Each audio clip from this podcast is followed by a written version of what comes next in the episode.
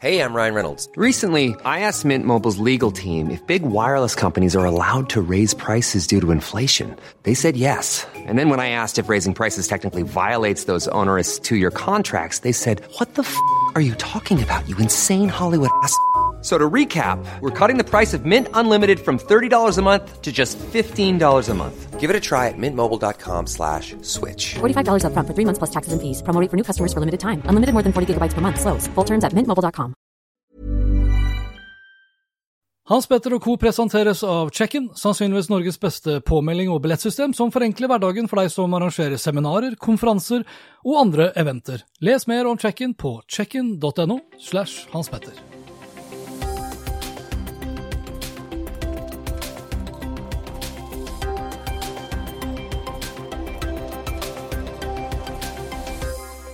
Hei og velkommen til Hans Petter og co. Jeg heter Hans Petter, og denne episoden ble spilt inn tirsdag 1.9. Reklamemarkedet falt med over 5% i 2019 sammenlignet med 2018. I mars 2019 så besøkte jeg ANFO, altså Annonsørforeningen, for å snakke med daglig leder Jan Morten Drange. Da hadde året startet kraftig ned, og vi lurte på om det skyldtes en kraftig nedgang i omsetning via mediebyråene, en økning i bruk av rimeligere reklamekanaler eller andre årsaker. Til og med reklameomsetningen via internett var da på vei nedover. Nedgangen i 2020 blir eh, med veldig stor sannsynlighet mye større. Og årsaken er i så måte ganske så mye bedre kjent også. Fra januar til juli i år så har nedgangen vært på nesten 20% Størst nedgang har kinomarkedet, ikke overraskende, med en nedgang på nærmere 60% Utendørsmarkedet er ned nærmere 40 aviser er ned ca. 30% TV er ned 20% Internett er ned nesten 10% mens radio holder seg, kanskje ikke så overraskende det heller, ganske så godt, med en liten nedgang på knappe 4 Facebook ser fortsatt ut til å tjene til litt smør på brød, mens Google opplevde for første gang i historien en nedgang i sin egen omsetning. Nedgangen i juli er derimot på samme prosentuelle nivå som i juni, hvilket kan tyde på at det verste kanskje er bak oss. For å diskutere helsetilstanden til det norske reklamemarkedet, så har jeg tatt meg en ny tur innom Anfo, for da å diskutere dette med Jan Morten Drange. God fornøyelse. Norge stengte mer eller mindre ned i midten av mars, eh, og resten er historie. Men husker, husker du sånn tilbake til januar-februar hvordan reklameomsetningen i Norge startet? Ja da, jeg gjør det. Det er klart at eh, Vi har blitt preget ut av denne rare tiden eh, alle sammen. Og, og, det føles faktisk ganske lenge siden egentlig at ting bare stengte ned og, og, og vi knapt så et menneske der ute. Men spoler vi litt lenger tilbake til januar-februar eh, Året, sånn, sånn sett reklamemarkedet begynte jo ikke veldig eh, bra i år heller. Og, etter denne, her, eh, denne episoden da, som har vært ganske vedvarende fra, fra midten av mars, så har jo det egentlig bare så har det bare gått i den retningen. Altså Inneværende år blir jo et, et, dårlig år. Det er liksom ikke noe å diskutere engang. Så jeg, jeg, tror egentlig det viktigste for oss alle det er på mange måter å begrense dårligheten og gjøre det vi kan for liksom å, å rede grunnen for det som kommer etter dette her også. Ja. Altså jeg, jeg, var med på et arrangement her uh, slutten av mars i år. Uh, hvor jeg skulle komme med liksom, ti tips da, til digital markedsføring uh, under og etter covid-19. Og Da viste jeg bl.a. til forskning som jeg tror jeg hentet ut fra kampanjen faktisk, som, som, sier ganske klart og tydelig, basert på tidligere hendelser, også finanskrise og dotcom-krise osv., at det å kutte ut all markedsføring under en krise er ikke så veldig lurt. Det er sikkert fristende, for man ønsker jo å kutte liksom kostnader etter beste måte. Men så er det også det her med out of sight, out of mind. Mm. Og der er det jo mange som har nå skal ikke jeg si syndet, da, men det er nok mange som har falt for den fristelsen. Men så er det også ting, da, som jeg innledet med å si, at prosentuelt så har liksom juli ikke vært noe verre enn det juni var sammenligna med året før. Og hun, Merete Mandt Larsen, altså daglig leder i Mediebyråforeningen, hun skrev jo da i en pressemelding for, for, for kort tid siden at det kan tyde på at det verste er bak oss. Er du enig i det? Altså, ser liksom august og prognosene for resten av året ser det bedre ut? Jeg er jo grunnleggende optimist, og, og, og, som jeg sa til deg her tidligere Allerede når vi satte oss på hjemmekontor sånn i midten av mars, så var jeg overbevist om at etter påske så er vi i gang igjen. Ja. Men vi sitter for så vidt her i en form for unntakstilstand eh, fortsatt. Jeg husker den lille diskusjonen som gikk i kampanje rundt dette, og jeg vet også det at eh, vi skrev en kommentar Eh, og der konklusjonen, eller liksom overskriften, er jo at de, de, fleste annonsørene de bruker nok det de kan, og det de har muligheter til å bruke. Mm. For teorien rundt dette er jo egentlig ganske allment kjent. Ja. Når du går tilbake til, til eh, dette mediebarometeret fra, fra mediebyråene, altså deler av markedet jeg tror jo også det at ting, ting sklir i gang igjen. At, at uh, Vi får håpe det at en eller annen bunn er nådd, og at vi, at vi liksom ser konturen av en lysere fremtid igjen. Mm. Eh, i fall, det er det vi håper på, alle sammen. Okay. Men har du, har noe, du har ikke noe du kan avsløre fra hvordan august for eksempel, har sett ut? Nei, vi har det er ikke noe augusttall. det er ikke så, som vi sitter på. Altså, men, men, vi har jo også sett, for vi har jo gjort våre trekker i den perioden. Denne Anfo sin koronatrekker. Ja. Eh, og, og, og, vi har jo også der prøvd egentlig å ta tak i de, de, kanskje de mest positive tingene. Og Vi skal heller ikke glemme det at ca. en tredjedel av markedet er jo egentlig helt uberørt ut av denne situasjonen. Enten gjør de det bedre enn en normalt, eller så gjør de det omtrent sånn som de pleier å gjøre det. Ja. Sånn, så det er jo ikke alle som er like negativt påvirket ut av denne situasjonen som, som vi noen ganger skulle tro. Eh, I alle fall hvis du leser overskrifter i en del medier. For det virker jo så en del masserer liksom det som er negativt, fremfor heller å trekke frem det som er positivt. For det er jo hyggelige historier midt oppi dette her òg. ja. Jo, men altså, jeg jeg håper å si det det som kanskje er en slags indikator på hvor dårlig stilt eh, det er, det er jo da når eh, store aviser, altså nettaviser som Aftenposten og Dagens Næringsliv, eh, ikke har altså, de har ingenting på varelageret sitt, mm. så de må ty da til Google Ads, mm. som jeg ikke tror de tjener så veldig mye penger på. altså. Og, og det ser jeg jo fortsatt den dag i dag. Selv TV 2 kjører jo til og med Google Ads-annonser mm. ganske så hyppig. Mm. Så ja, det, det, er noen paradokser der ute. Ja. Og, og, og, Du var jo litt inne på dette med når du ser på media. Det er jo ikke rart at, at kinoomsetningen går ned, f.eks. Når ikke du kan gå på kino, så blir ikke det noe, det blir ikke noe annonsering der. Nei. Når vi plutselig er, sitter inne alle sammen, så blir det heller ikke mye utendørsreklame. Eh, Men vi ser jo for så vidt også at, at uh, seertall og lyttertall både på radio og TV har jo egentlig gått ganske bra. Ja. For vi har, jo, vi har, jo, orientert oss i denne situasjonen her. Eh, spørsmålet er jo egentlig hvor mye de klarer å kapitalisere på dette i, i, i reklamemarkedet.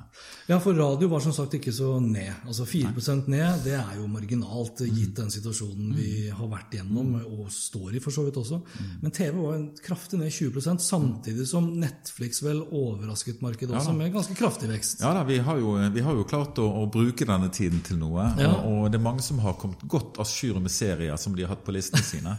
Så. ja, heldigvis har vi fortsatt mulighet til å binge.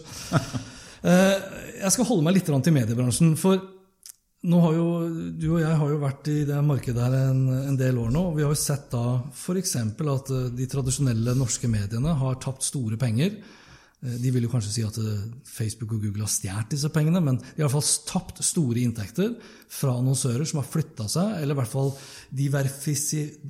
diversifisert sin annonseportefølje. Mm. Veldig fint ord. Altså de har spredd annonsekronene sine på flere kanaler. Og for den samme bransjen så skulle jo da eventer og arrangementer det skulle jo liksom bli da en sånn ny pilar som de sånn sett kunne tjene penger på. Mm. Alle med respekt for seg sjøl begynte å kjøre masse eventer. Kampanjer, Aftenposten osv. Nå er jo det inntektsgrunnlaget også mer eller mindre forsvunnet. Tror du at webinarmarkedet kan bli stort nok til å til en sårt tiltrengt eh, økonomi for medier i Norge? Akkurat det er ganske overbevist om at det kommer det nok aldri til å bli. Eh, jeg tror nok at webinarer og Zoom-møter og Teams-møter sånn som dette har, har, hjulpet oss gjennom denne tiden. Eh, men jeg tror aldri det kan erstatte denne møteplasseffekten som vi ser at en del av disse eventene egentlig har. Vi er jo også ganske stor på, på eventdelen, for uh, mye ut av det vi gjør, er faktisk inkludert i medlemskapet for våre medlemmer. Så vi har jo i denne perioden her har vi kompensert med å gjøre mye digitale både skoler og, uh, og eventer, nettopp for å opprettholde det tilbudet til, til våre medlemmer. Ja. Jo, men dere, men dere, har kjørt det da, du sier dere har kjørt det digitalt, det har vi gjort. og dere har kjørt det da for medlemmer. Men ikke-medlemmer kan også kjøpe seg aksess. Ja, ikke sant? Men hvor mange ikke-medlemmer er det som kjøper da disse Sånn, hvis du, vi, allerede nå, vi har, hatt et ganske, vi har ganske hatt et, hatt et tett program egentlig hele, hele våren. Vi har kjørt eh, rene digitale eventer, men vi har også kjørt hybrider. da. Allerede i slutten av mai så hadde vi faktisk en skole der 80% av deltakerne valgte å være fysisk til stede, og de andre egentlig remote. Ja. Så, så det har gått an hvis du, hvis du på mange måter tilrettelegger nok. da. For det er jo et, det er jo et ønske blant vårt publikum da, å, å treffes fysisk fysisk også. Ja, jeg tror det, det, er, det er sånn, Man bruker ofte å si at det er først når du har mistet noe, at du liksom virkelig setter Ja. pris på det du mistet. da. Uh, og jeg har jo vært en sånn der eh, foregangsfigur for uh, alt, skal, alt som kan digitaliseres, uh, vil bli digitalisert. Og det er klart, eventer... Med, eventer med unntak av fysiske eventer. Ja, jo, men altså, og, og det, når jeg sier det, så tenker folk ja, ja, men det er bare for at du, du snakker for din syke mor. ikke sant? Eh, min egen bransje. Men jeg merker jo det sjøl også. Jeg har jo holdt på med webinar og videokonferanser i snart 20 år. Både liksom fra min tidligere arbeidsgiver Cisco osv. Men det er ingenting som slår det fysiske. Vi kunne jo ha møttes i dag for denne podkasten, som ikke engang er live. Vi kunne ha møttes over nett. Men det er et eller annet med det fysiske. Så det, altså det savnet etter fysiske arrangementer, om det så er da et seminar, eh, en konferanse, en konsert, en standup-kveld på Latter nede på Aker Brygge osv. Jeg tror ganske mange er på jakt etter det. Vi har faktisk et fysisk arrangement i dag på Latter. Ja, dere har det? Ja. Og når Latter kan ha 200 gjester på sine eventer, sånn, så er jo det for så vidt også en grense som vi fint klarer egentlig å, å, å, å leve med. Ja, og da tror jeg Det gjør også hybridarrangementene Ja mye bedre. Vi, som hold, vi som står på scenen, blir jo bedre å ha et ekte publikum. Det er litt sånn som TED Talks. Det er Mange som har sagt til meg ja, men herregud, se på YouTube og se på TED Talks, hvor bra det er. Ja, det er bra, for at det er et ekte publikum der. Det er liksom ikke én svær powerpoint med sånn 100 ganger 100 piksler bilde av Jan, Jan Morten Drange oppi et hjørne. Eh, Så, så den hybride tilnærmingen kan jeg tenke meg kan bli en sånn farbar Ja, da, vei framover. og, og, og det tror jo jeg også når det gjelder fremtiden. Altså, for det er klart at eh, Anfo som organisasjon, for å bruke det som eksempel, da, Ja. vi, vi har jo en medlemsmasse, men, men vi har jo også ambisjoner om å nå bredere ut. da, Og det kan jo være at vi skal nå bredere ut også geografisk. da. Eh, og, og det er jo i den nære fremtid, så det å, å, å, fly inn for en dagskonferanse fra Tromsø eller noe sånt som dette, det er ikke sikkert at det er det mest aktuelle. Men hvis du kan delta f.eks. på et event gjerne deler av dagen eller sånn som dette, fra Tromsø eller Bodø eller der du måtte egentlig være, så er jo det faktisk også en mulighet. da. For jeg tror jo, gitt situasjonen og, og i lys av alt det som har skjedd Veldig mange der ute hadde jo aldri hatt et Teams-møte egentlig før 13. Eh, Så brukte vi kanskje første uken til å, til å fable litt, sånn som dette. Så ble vi ganske bra etter hvert. da. Ja. Så, eh, så et, et, sånn sett så er det nok mange som har fått også et sånn nødvendig digitalt spark bak. Så, får vi, så får vi prøve å ta det med oss videre, og så får vi satse på at dette sklir over da, i løpet av noen måneder. Og forhåpentligvis da, så har, er det mange av oss som har blitt litt flinkere egentlig i den perioden, som vi selvsagt da skulle vært foruten. da. Men det er jo ikke alt vi får gjort noe med. da. Og, og dette blir et merkelig år for hele verden. Så får vi satse på at neste år blir et fantastisk år for mesteparten av verden. I alle fall. Ja, eh, ja jeg, man kan håpe, da. Eh, men det er klart, sånn, hvis vi trekker liksom, det markedet her nå inn i annonsørforstand igjen, da, så er det klart noen av de største annonsørene tradisjonelt har jo vært innenfor reiselivsbransjen. Om det er da hoteller, konferansehoteller, flybransjen ikke minst, som da har litt mindre å reklamere for. Som igjen da påvirker det norske annonsemarkedet, som igjen da påvirker norske medier på toppen av det hele. Ja, det er, det, det er mye som henger sammen her. og det er klart at eh, Særlig reiseliv da har jo vært ekstremt hardt rammet. Og dette, det ser vi jo, dette vil jo ta tid egentlig å liksom komme tilbake igjen. da.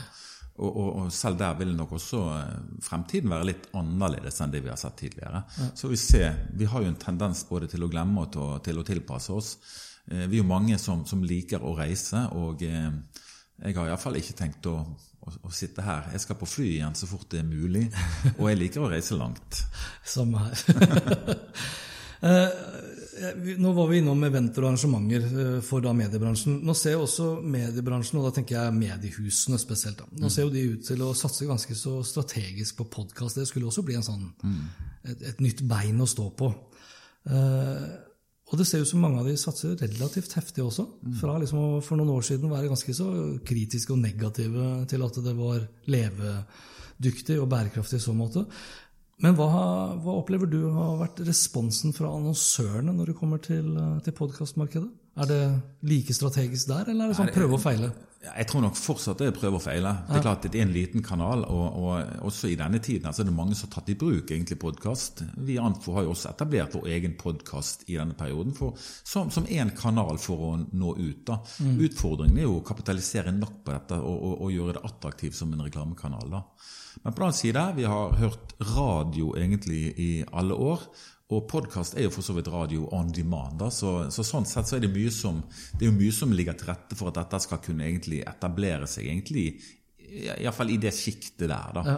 Men det krever jo i hvert fall er min opplevelse at det krever mer forståelse fra en annonsør på, uh, på, dette forholdet mellom å nå veldig mange og nå da en liten nisje, og verdien av å nå ja. en riktig målgruppe som en nisje. da. Ja. At det, det, er liksom, det, er fristende, for det ser man gjerne gjennom kan du kalle de tradisjonelle bloggerne eller influensere og influencer marketing. Mm. At veldig mange annonsører eh, flokker seg rundt veldig få influensere. De største influenserne. Mm. Eh, og der har jo kampanje Det har jo vært masse diskusjoner i løpet av 2020 der ja. også. på liksom er influenseren stor i form av at du har mange følgere? Er de følgerne riktige? Er de i det hele tatt fra Norge? Er de ekte? Mm. Og, der, og det, fører, altså, det fører jo på mange måter også til kanskje mitt neste spørsmål, om dette tillitsforholdet. For der har dere vært uh, frempå mye. Mm. Snakket om liksom, den manglende tilliten fra annonsørene. Og uh, behov eller ønske eller krav om større grad av åpenhet. Mm.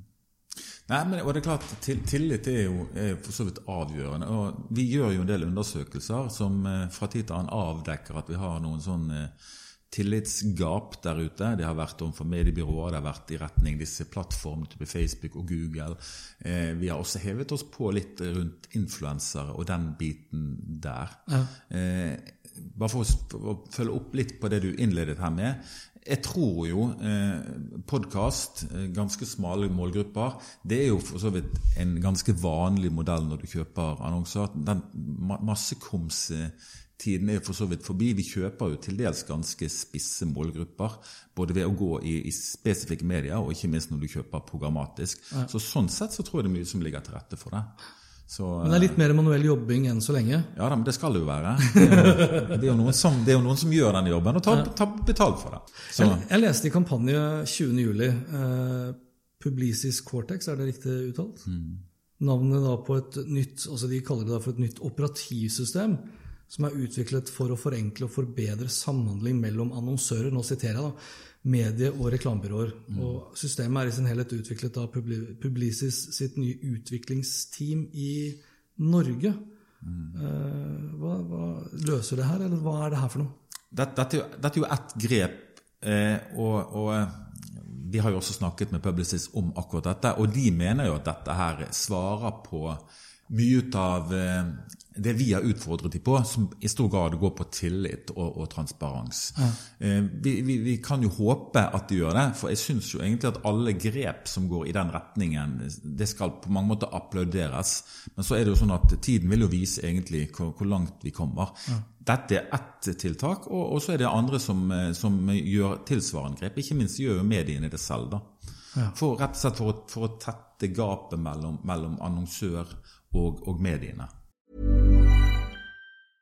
I'm Sandra, and I'm just the professional your small business was looking for. But you didn't hire me because you didn't use LinkedIn jobs. LinkedIn has professionals you can't find anywhere else, including those who aren't actively looking for a new job but might be open to the perfect role, like me. In a given month, over 70% of LinkedIn users don't visit other leading job sites. So if you're not looking on LinkedIn, you'll miss out on great candidates like Sandra. Start hiring professionals like a professional. Post your free job on linkedin.com slash people today. Hey, I'm Ryan Reynolds. At Mint Mobile, we like to do the opposite of what Big Wireless does. They charge you a lot, we charge you a little. So naturally, when they announced they'd be raising their prices due to inflation, we decided to deflate our prices due to not hating you. That's right. We're cutting the price of Mint Unlimited from $30 a month to just $15 a month. Give it a try at mintmobile.com slash switch. $45 upfront for three months plus taxes and fees. Promo rate for new customers for limited time. Unlimited more than 40 gigabytes per month. Slows. Full terms at mintmobile.com. Så um, Man er er, altså, de, ja, for alle er vel egentlig, når alt kommer til alt, er opptatt av å se liksom, hva, hvilken konkret effekt er det jeg får ut av de pengene jeg bruker. Mm. Podtoppen.no er vel i så måte også et sånn åpenhetsprosjekt, er det ikke det? Ja da. så eh, jeg synes, åpen, Åpenhet er jo et av våre gode ord, og det Ja. syns jeg også vi skal, vi skal sørge for at eh, det som gjøres der ute, at, eh, at alt tåler egentlig et litt sånn kritisk blikk på seg, rett og slett fordi at eh, ingen er tjent med egentlig å, å holde ting skjult. altså. Det meste kommer for dagen i dag. Altså En plattform som har fått eh, mye sånn type kritikk, da, hvor tillit er sånn gjentagende issue, det er Facebook. Hva, hva, hva er dine tanker om Facebook som en uh, reklameplattform? Facebook er der, og, og sagt, en, vi, vi skal jo på mange måter hylle det de har fått til. For det er klart at du, du, du kommer ikke dit de er uten å ha gjort en, en solid jobb. Ja. Men samtidig så har vi jo sett egentlig gang på gang, og, og vi har for så vidt påpekt det ganske regelmessig, at eh, det skjer en del ting rundt Facebook, eh, for eksempel, som ikke alltid er like bra. Det har vært en del utfordringer knyttet til bl.a. personvern. Eh, og nå tidligere i år så var det jo knyttet til bl.a. spredning av, av innhold som ikke var veldig sjarmerende, for å si det på kort. og, ja, det var Kort og godt. pent. Og så var det jo denne debatten som gikk sånn eh, på forsommeren, og så endte det med den globale boikotten. Eh, jeg tror ikke at dette har betydd så veldig mye for Facebook sånn inntjeningsmessig. Tross alt de har åtte millioner kunder som i veldig stor grad betjener seg sjøl. Ja. De det var vel under 1000, tror jeg, men relativt store aktører. Under Ja 1000 som valgte å boikotte i juli. Ja da, eh, de boikottet i juli, og, og juli er jo for så vidt også en, en relativt sånn laber annonsemåned for, for veldig mange markeder der ute. Men, men symbolverdien kan jo egentlig være ganske stor. For det er klart, når du begynner å tulle med omdømme, altså tillitsbiten, når du kan se eh, utslag på aksjekursen, så vil det jo kanskje skje noe. For jeg tror jo også det, og, og det har jo for så vidt også Facebook bedyret, at eh, de prøver jo å gjøre noe med, med dette. Men det er klart, det er et gigantisk system. Det er jo ikke alltid like lett eh, å, å håndtere dette. her. Men, men jeg tror jo også det de ville vært tjent med å gjøre kanskje litt tilsvarende grep som det andre gjorde i denne situasjonen. Altså at du merker innhold som er litt sånn eh, litt på siden av det det, det burde vært fokus på å spre, iallfall. Ja, ja altså jeg så en, jeg husker ikke hvem det var som skrev det, men det var en artikkel her i Wired, mener jeg, eller så var det The Guardian. Nå er jo mediene også tjent med selvfølgelig å være ekstra kritiske mot Facebook, fordi de igjen da stjeler i gåstegn. Men, men det syns jeg faktisk ikke de har vært. Jeg syns jo egentlig at mediene over tid kanskje har vært veldig De har vært med på å hylle dette, dette systemet. Men hun, ja, hun, journalisten i hvert fall, et, jeg er ganske sikker på faktisk at det var The Guardian, hun sammenlignet Facebook med Nord-Korea. Eh, og med det sagt så handlet det i stor grad om hvordan da Mark Zuckerberg eh, oppførte seg, og, og spesielt da denne kommentaren som han hadde da tatt da på et sånn internmøte, at liksom slapp av, han og Sørene kommer fort nok tilbake. Ganske så arrogant eh, sagt, egentlig. Og kanskje noe av den største faren for Facebook eh, knyttet til liksom, dette tillitsforholdet, er kanskje fra de ansatte sjøl nå. For det har liksom, de har vært skånet for det. Men det er klart når de ansatte går ut og, og kritiserer Facebooks Mark Zuckerberg da, i så stor grad, så kan det kanskje få litt mer langvarige effekter. Men vi ser, vi ser jo det enn så lenge ikke. Nei, vi, vi ser det jo egentlig ikke på omsetning, da, men, men jeg er helt enig med deg. altså Det som skjedde egentlig tilbake i juni, da, at det blir et lite sånn om vi skal kalle det opprør, eller noe, men det blir iallfall en intern bevegelse der en, en stor andel av de som jobber i, i, i selskapet, egentlig er, er tydelig uenig med ledelsen. Du skal ikke ha for mye sånn som dette. Og det er klart at Hvis det er sånn at du blir oppfattet som arrogant utad og innad eh, Arroganse er en, en skummel eh, sak. Eh, du skal ikke tulle for mye med akkurat dette her. Men tillit er jo én ting, og etikk og moral er jo kanskje da en annen ting. Eh, Hva sier det om liksom, norske annonsører da, når de fortsetter å reklamere på en plattform som i så stor grad møter så mye kritikk? da? Ja, det, det er jo egentlig et veldig, veldig godt uh, spørsmål. For jeg har, jeg, vi, har, vi har vært ganske tydelige egentlig i vår kritikk mot Facebook egentlig eh, ved veldig mange anledninger. Akkurat som, som, som det har vært tilfellet i, i, store deler av verden. Eh, det ser jo ut som, som, de går upåvirket gjennom denne situasjonen gang etter gang. Og jeg syns jo egentlig det er, er, litt trist. Jeg trodde jo faktisk at den boikotten vi så i sommer, ville, være, ville få litt mer sånn utslagsgivende resultater. Det ser egentlig ikke ut sånn. Nei. Det var noen bevegelser på aksjekursen ganske kjapt. Ja. Hadde det tiltatt og fortsatt, så tror jeg du kunne fått, eh, fått endringer, kanskje både raskere og mer dramatiske endringer. Mm. Men, men, men, så lenge det ikke skjer noe der som er varig, eh, så, så, er vi litt tilbake der vi var. Men, men jeg, tror også, jeg, tror jo også, Facebook må endre seg. De er nødt til å tilpasses litt. De må fjerne en sånn opplevd arroganse, iallfall, for det er ikke bra i det hele tatt.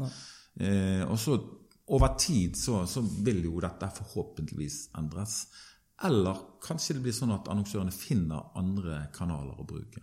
For Det er klart det går noen ja. grenser egentlig hvis, det, hvis, flere og flere og hyppigere og hyppigere opplever dette som et problem.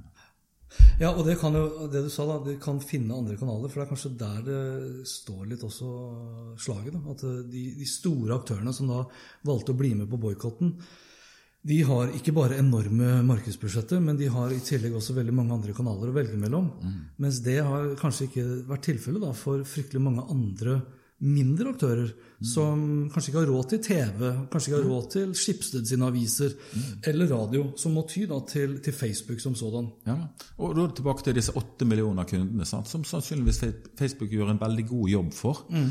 De, de, de, kommer ikke igjen der igjen og igjen uten at det, det gjør en jobb for dem. Det må vi jo også erkjenne oppi dette her. Utover det at liksom, annonsører kanskje ikke har i realiteten altså veldig mange andre alternativer. da til Facebook. Og når jeg sier Facebook, så er det jo liksom, det er jo Facebook, og det er Instagram, og det er WhatsApp, og det er diverse andre muligheter innenfor Messenger etc. Eh, og vi, vi, vi blir kanskje litt sånn kritiske til tider. Eh, men kan det være at det positive med Facebook fortsatt liksom overgår det negative? At vi blir litt vel fokuserte på det negative, eller burde vi vært enda mer kritiske? Jeg tror jo at den kritikken som er, den er høyst berettiget. Så vi, vi skal være kritiske. Eh, og det er klart at dette har jo blitt en gigant på godt og ondt. Du er jo inne på det. Det er på mange måter en maskin for veldig mange. Så det at Facebook fungerer egentlig for mange annonsører, for mange små annonsører der ute, det tror ikke vi skal, det, det, er ikke noe vits å diskutere, for de gjør det selvfølgelig. Ja. Det er jo derfor de bruker det. Men, men, men, når det er sagt, jeg tror jo alltid at det finnes alltid alternativer. Jeg tror det finnes alternativer for mange mindre annonsører også i den norske mediefloraen. Eh, og, og, jeg syns jo det er helt legitimt at vi, at vi, reagerer og roper litt varsku av og til når det er grunn til det. Mm. Jeg skulle nesten håpe at flere hadde gjort det. For klart, vi, vi, drar på en debatt av og til. Du var ute og mente noe i forbindelse med dette. Vi var ute et par ganger. Noen ganger så skulle jeg ønske at flere egentlig hadde kanskje hevet seg inn i en sånn debatt som dette. Ja. For det er viktig. Skal vi ha ordentlige forhold i denne bransjen, her, så, så syns jeg det er viktig at vi påpeker ting, at vi er tydelige, og at noen får muligheten til å, til å reagere på dette. Akkurat, og det gjør jo for så vidt også Facebook. Når vi, når vi tar opp noe, de er for så vidt veldig mye mer imøtekommende nå enn de var tidligere. Ja. De vil nok men ja, For da snakker du om Rune Pause? Da snakker vi om Facebook i Norge. Jeg syns de, de, gjør det de kan, de. Men det er klart at Norge er et lite marked. Facebook er en maskin, en gigant. Ja. Eh, men, men, men, det betyr egentlig ikke at, at ikke vi skal gjøre vårt. Vi syns vi skal gjøre vårt i, i, i, våre respektive markeder. Og det tror jo Jeg, jeg har jo kollegaer da i 60 pluss land der ute, tilsvarende foreninger. Vi har VFA i Brussel som gjør veldig mye, har en veldig tett dialog. Så jeg tror jo summen ut av alt det som alle de som prøver, på et eller annet tidspunkt så, så vil jo til Eller ting vil jo bli bedre gradvis. Ja, Vi får håpe det. Du er jo unektelig positiv. Ja, det, jeg prøver å være optimist og, og se her. Sånn, men, men, men, det kommer helt sikkert til å være det, det kommer til å være episoder igjen. Ja. Det har jo vært hyppige episoder. Det har vært altfor hyppige episoder her. Eh, og, og, vi prøver jo å, å liksom eh, ta de opp hver gang, da. Men eh, annonsøren er der fortsatt, og, og veksten er definitivt, eh, om ikke like høy som han var tidligere, han er, det er iallfall en vekst, en underliggende vekst i selskapet der. Hvis jeg skulle liksom dratt fram den naive Hans Petter, da, den godtroende Hans Petter, så, så er det jo sånn at hvis alle mennesker og alle virksomheter bare hadde vært snille, så hadde jo ikke Facebook hatt de problemene eller de utfordringene de har heller. ikke sant? så, så, sånn er dessverre ikke verden. Så. Nei, sånn er dessverre ikke verden. Og mens vi er inne da på Facebook da, som en svær gigant nå vi, I løpet av sommeren så satt jo både Facebook og diverse andre store amerikanske selskaper i Kongressen, og det snakkes mye om å splitte opp selskaper, monopolsituasjoner, eh, for stor makt. Hva med TikTok? Altså nå skrev det, var noen som skrev på kampanje forleden dag også at eh, nå kan norske selskaper endelig annonsere på TikTok. Burde de det? Altså dere som eh, Ut ifra det vi ser andre steder i verden, så kan jo ting tyde på at ikke de nødvendigvis burde det. Eh, det vil jo, her vil jo skje ting egentlig ganske kjapt, eh, vil jeg tro. Nå er det vel snakk om at eh, ting blir avgjort i USA allerede i morgen. allerede i dag? Altså, I dag, vi spiller ja. nå tirsdag første. Det her kommer jo på lufta ja, noen dager senere. Tirsdag i dag, ja. Mm. Mm. Så fremst da ikke Kina selv da, setter foten ned, for de skal jo nå godkjenne mm. alle salg av teknologiselskaper med, som tar i bruk da, kunstig intelligens. Så det kan jo være at Kina velger å si nei, rett og slett for å ikke tape ansikt. Mm. For jeg, jeg synes, også, er, Det her er jo politisk, tror jeg, da, mer enn det det liksom egentlig er plattform og konkurransekraft som sådan. Så tror jeg det er ganske storpolitisk. Og så er det vel et eller annet i, i det at uh, Kina sjøl har jo liksom mer eller mindre Eh, forbudt samtlige amerikanske store selskaper. Ja, så dette er en sånn payback-greie? ja, ja. Men en annen, en annen, aktør som uh, vi nok antakeligvis da kommer til å se litt i tiden fremover, er jo Amazon. Mm. Og der er det jo på den ene siden så er det jo de som selvfølgelig da misliker det veldig sterkt. Mm. retailere som sådan. Mens andre retailere tenker at ja, den markedsplassen her kan jo kanskje være redningen rett og slett for min egen virksomhet. Eh, det er det, det, er det ene. Fra et annonsørståsted, mm. og da Annonsørforeningen og deres tanker, mm. så kan jo Amazon også bli en reell utfordrer til da, dette duopolet som vi definitivt har i Norge med Facebook og Google. Mm. Altså I USA det er, det er, kanskje mange i Norge som ikke tenker over at produktsøk i USA er mye større på Amazon enn på Google. Mm. Mens i Norge så tror jeg de fleste mm. produktsøk nesten starter med Google. Mm. Nei, men jeg, jeg, tror du eh, har helt rett i dette. Det er klart at Amazon kommer nok til å kile seg inn egentlig sånn i, i, i den klassen med Facebook og, og, og Google. Ja. Og hvis det er sånn at det norske reklamemarkedet er ca. 20 milliarder, eh, Facebook Google ca. 6 milliarder, eh, med Amazon så blir det kanskje det vil vokse den andelen der òg. Så sånn sett så blir jo disse internasjonale plattformselskapene det blir bare enda mer sånn toneangivende i dette. Derfor skal vi være opptatt av det. Mm. Amazon kommer til å lykkes, det er jeg ganske overbevist om. De fleste nordmenn har et forhold til Amazon allerede. Vi har kjøpt produkter der i veldig mange år. Når de kommer med prime-løsningen eh, Det er mye som kommer til å bli annerledes. Og selvfølgelig, en del retailere ser dette eh, det, det, det, er definitivt en trussel, men jeg tror også det er sånn som det du sier. Du, du må sannsynligvis ta i bruk denne plattformen for, for, for, for, din egen butikk for det hele tatt å få det til. Ja. Jeg, tror, jeg, tror, ikke det er riktig strategi å sitte på siden og si at dette her fikser vi på egen hånd. Eh, da skal du være veldig god, iallfall. For eh, Amazon har jo definitivt de, de, har jo vist at dette kan de. Ja, Personlig så har jeg, jeg har et ganske så ambivalent forhold til Amazon. Jeg synes Som en forbruker så leverer de en fantastisk tjeneste. Det er forutsigbart, det er billig, det er oversiktlig. De algoritmene finner de produktene jeg ikke visste at jeg ville ha, osv. Akkurat samme erfaring sitter jeg med. Ja. Altså.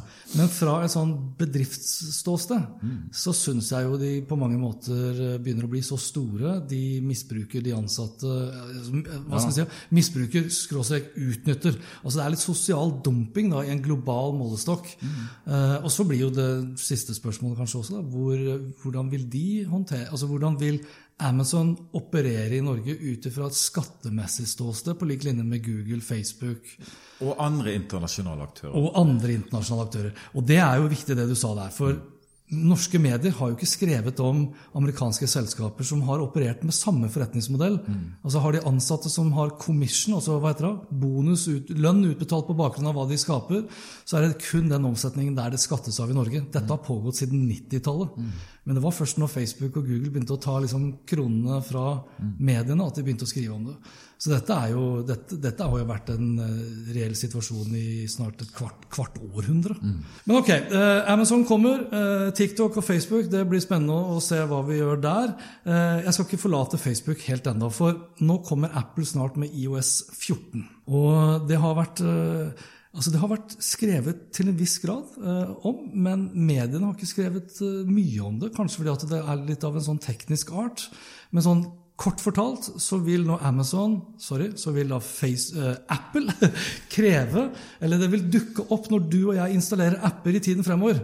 Etter IOS 14 så vil det komme opp en pop-up-boks hvor du og jeg som brukere kan bestemme hvorvidt data om oss skal spores for å kunne tilrettelegge for målretta annonser.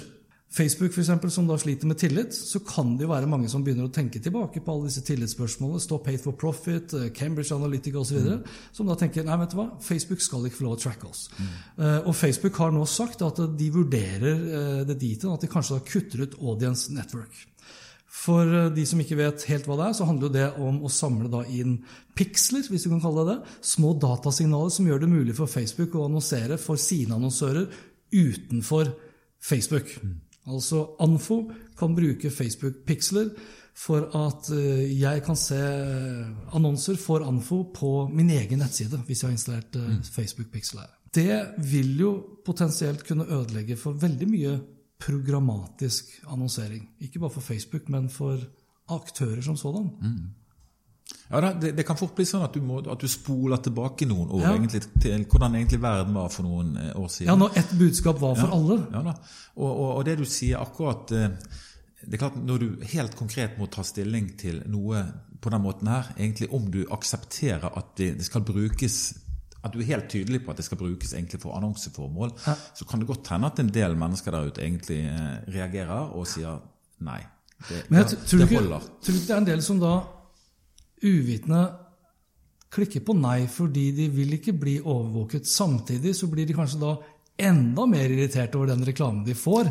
For den vil jo da ikke være tilpasset. Ja. ja. ja men, men, dette er jo, det er jo for så vidt eh, det, det, er jo, det, er jo, en greie som vi har Dette har vi forholdt oss til noen år, og vi tror jo på relevante budskap, ja. men vi liker ikke å bli forfulgt av budskap. Eh, og, og, uansett egentlig hvor smart alle disse teknikkene har blitt, det, det, er jo ikke der enda at at du, opplever det som relevant hele tiden. For, for, da hadde jo ting blitt skrudd av egentlig på et eller annet tidspunkt. Ja, ja. Så, men, men, men det, er der, eh, det, er jo der, ting eh, Iallfall vi, vi er i en prosess der fortsatt. Ja, og det også er jo en sånn kunnskapsgreie. Altså, Jeg som en digital markedsfører, eller kall det bare markedsfører, det fins vel ikke analoge markedsførere i dag. men jeg som en markedsfører Eh, burde jo være mer bevisst på når er det jeg skal kjøre f.eks. remarketing. Sånn at du slipper å liksom få reklame for den puta du kjøpte. Det er et sånn klassisk eksempel. Ja. Og det er jo ikke teknologien sin feil, det er jo bare da annonsørene som ikke ja. bruker ja, teknologien dette er jo, Det er jo ikke noe vanskelig, egentlig. Nei, nei egentlig så er det, ikke det. Det er bare å gjøre det. Ja. ja. Så det burde vi jo bli flinkere til. Men, men, men, jeg tror det er klart, på konkrete spørsmål som, egentlig, som, som blir den nye situasjonen her, jeg tror nok, som du egentlig insinuerer, jeg tror nok at den omdømmebiten egentlig, Hvis folk husker egentlig til litt sånn negative episoder, ja. så kan det påvirke egentlig svaret der. Men på den annen side, eh, all historie har vist at vi, vi, vi, glemmer ganske fort, og vi tilgir. Det gjør vi. Så, eh, og spesielt hvis vi opplever noe verdiøkende ja av det vi glemte. Og, og, og, det er jo en grunn til egentlig at vi har, at vi har eh, akseptert alt som popper opp rundt Facebook og Google og sånn som dette, det er fordi at det har jo vært en opplevd sånn verdi der ja. som gjør egentlig at du bare du klikker, og så bare løper du videre. Sant? Ja, det er sånn, Når folk googler nå i dag, så er det jo ikke så himla mange som tenker på at eh, det fantastiske søkeresultatet du fikk, er basert på de datasignalene du har gitt til Google. Mm. Så hvis plutselig, det, hvis plutselig, Google hadde begynt å kjøre opp den tilsvarende pop-upen og sagt at vil du kjøre inkognito, mm stoler du ikke på at vi liksom bruker dataene dine på riktig måte, så tror jeg også igjen veldig mange ville ha tikket av på at eh, jeg vil ikke bli tracket. Jeg tror ikke folk generelt sett da, er klar over egentlig hvor mye bra som kommer er litt, ut litt av det. mer omfattende og litt mer tidkrevende prosesser egentlig for å komme frem til dette. Ja, Og da ligger jo en av nøkkelen i det magiske ordet ditt ikke sant? Tillit. Eh, hvis vi skulle oppsummert eh, 2020, hvis du våger å oppsummere 2020 vi, De første syv månedene 17,8 nedgang, vel å merke da gjennom mediebyråene. Ca. Mm. halvparten av den totale reklameomsetningen. Hva blir fasiten 2020? Du tenker, du tenker prosenttallet? Ja. Jeg, jeg, jeg, nedgang? veldig mange, og det, jeg tror Vi snakker jo om 15, vi snakker om 18, vi snakker om 20 men ja, oss, vi, ligger nok i, vi ligger nok i den gata. For det, det kommer til å bli et, eh, et, et drittår. Det har vi jo for så vidt sett. Så uansett hva som skjer i løpet av høsten nå, så klarer ikke vi ta igjen noe sånt. Det er ikke sånn at Black Friday og alle de her greiene tar og redder hele året, liksom? Neppe. Jeg tror, Uansett hvordan dette går, sant, så nå får vi bare konsentrere oss om å komme gjennom dette på en, på en eh, mest mulig elegant måte. Det blir en, en nedgang, det blir en ganske stygg nedgang. Og så får vi satse på at vi klarer å gjøre oss ferdig med, med, med alt dette her i løpet av året, sånn at vi, at vi kan gå inn i et nytt år med litt ny optimisme og, og nye prosesser på gang egentlig, som gjør egentlig at vi klarer å komme tilbake. Så satser på at eh, at eh, ting går over, og at denne vaksinen egentlig snart eh, faller på plass. Som gjør at vi kan få en fin tilværelse igjen. Og med de oppløftende ordene så sier vi at det var eh, nok for denne gang. Lenker til eh, det vi har snakket om og øvrige innslag ja, det finner du på hanspetter.info. Og likte du det du hørte og vil forsikre deg om at du får med deg de neste episode, da kan du bl.a. abonnere på Hans Petter Co. på Apple Podcaster. Ellers er podkasten selvsagt også tilgjengelig på Spotify, Acast, Google Podcast, Overcast og TuneIn Radio. Inntil neste gang, vær nysgjerrig, for det er den beste måten å møte vår digitale fremtid på. Hans Petter og Co. presenteres av Check-in, sannsynligvis Norges beste påmelding- og billettsystem som forenkler hverdagen for deg som arrangerer seminarer, konferanser og andre eventer. Les mer om Check-in på checkin.no slash Hans Petter. Mom deserves the best, and there's no better place to shop for Mother's Day than Whole Foods Market. They're your destination for unbeatable savings, from premium gifts to show-stopping flowers and irresistible desserts. Start by saving 33% with Prime on all body care and candles. Then get a 15-stem bunch of tulips for just $9.99 each with Prime. Round out Mom's menu with festive rosé, irresistible berry chantilly cake, and more special treats. Come celebrate Mother's Day at Whole Foods Market. Planning for your next trip? Elevate your travel style with Quince. Quince has all the jet setting essentials you'll want for your next getaway, like European linen, premium luggage options, buttery soft Italian leather bags, and so much more. And it's all priced at 50 to 80% less than similar brands. Plus, Quince only works with factories that use safe and ethical manufacturing practices. Pack your bags with high-quality essentials you'll be wearing for vacations to come with Quince. Go to quince.com slash trip for free shipping and 365-day returns.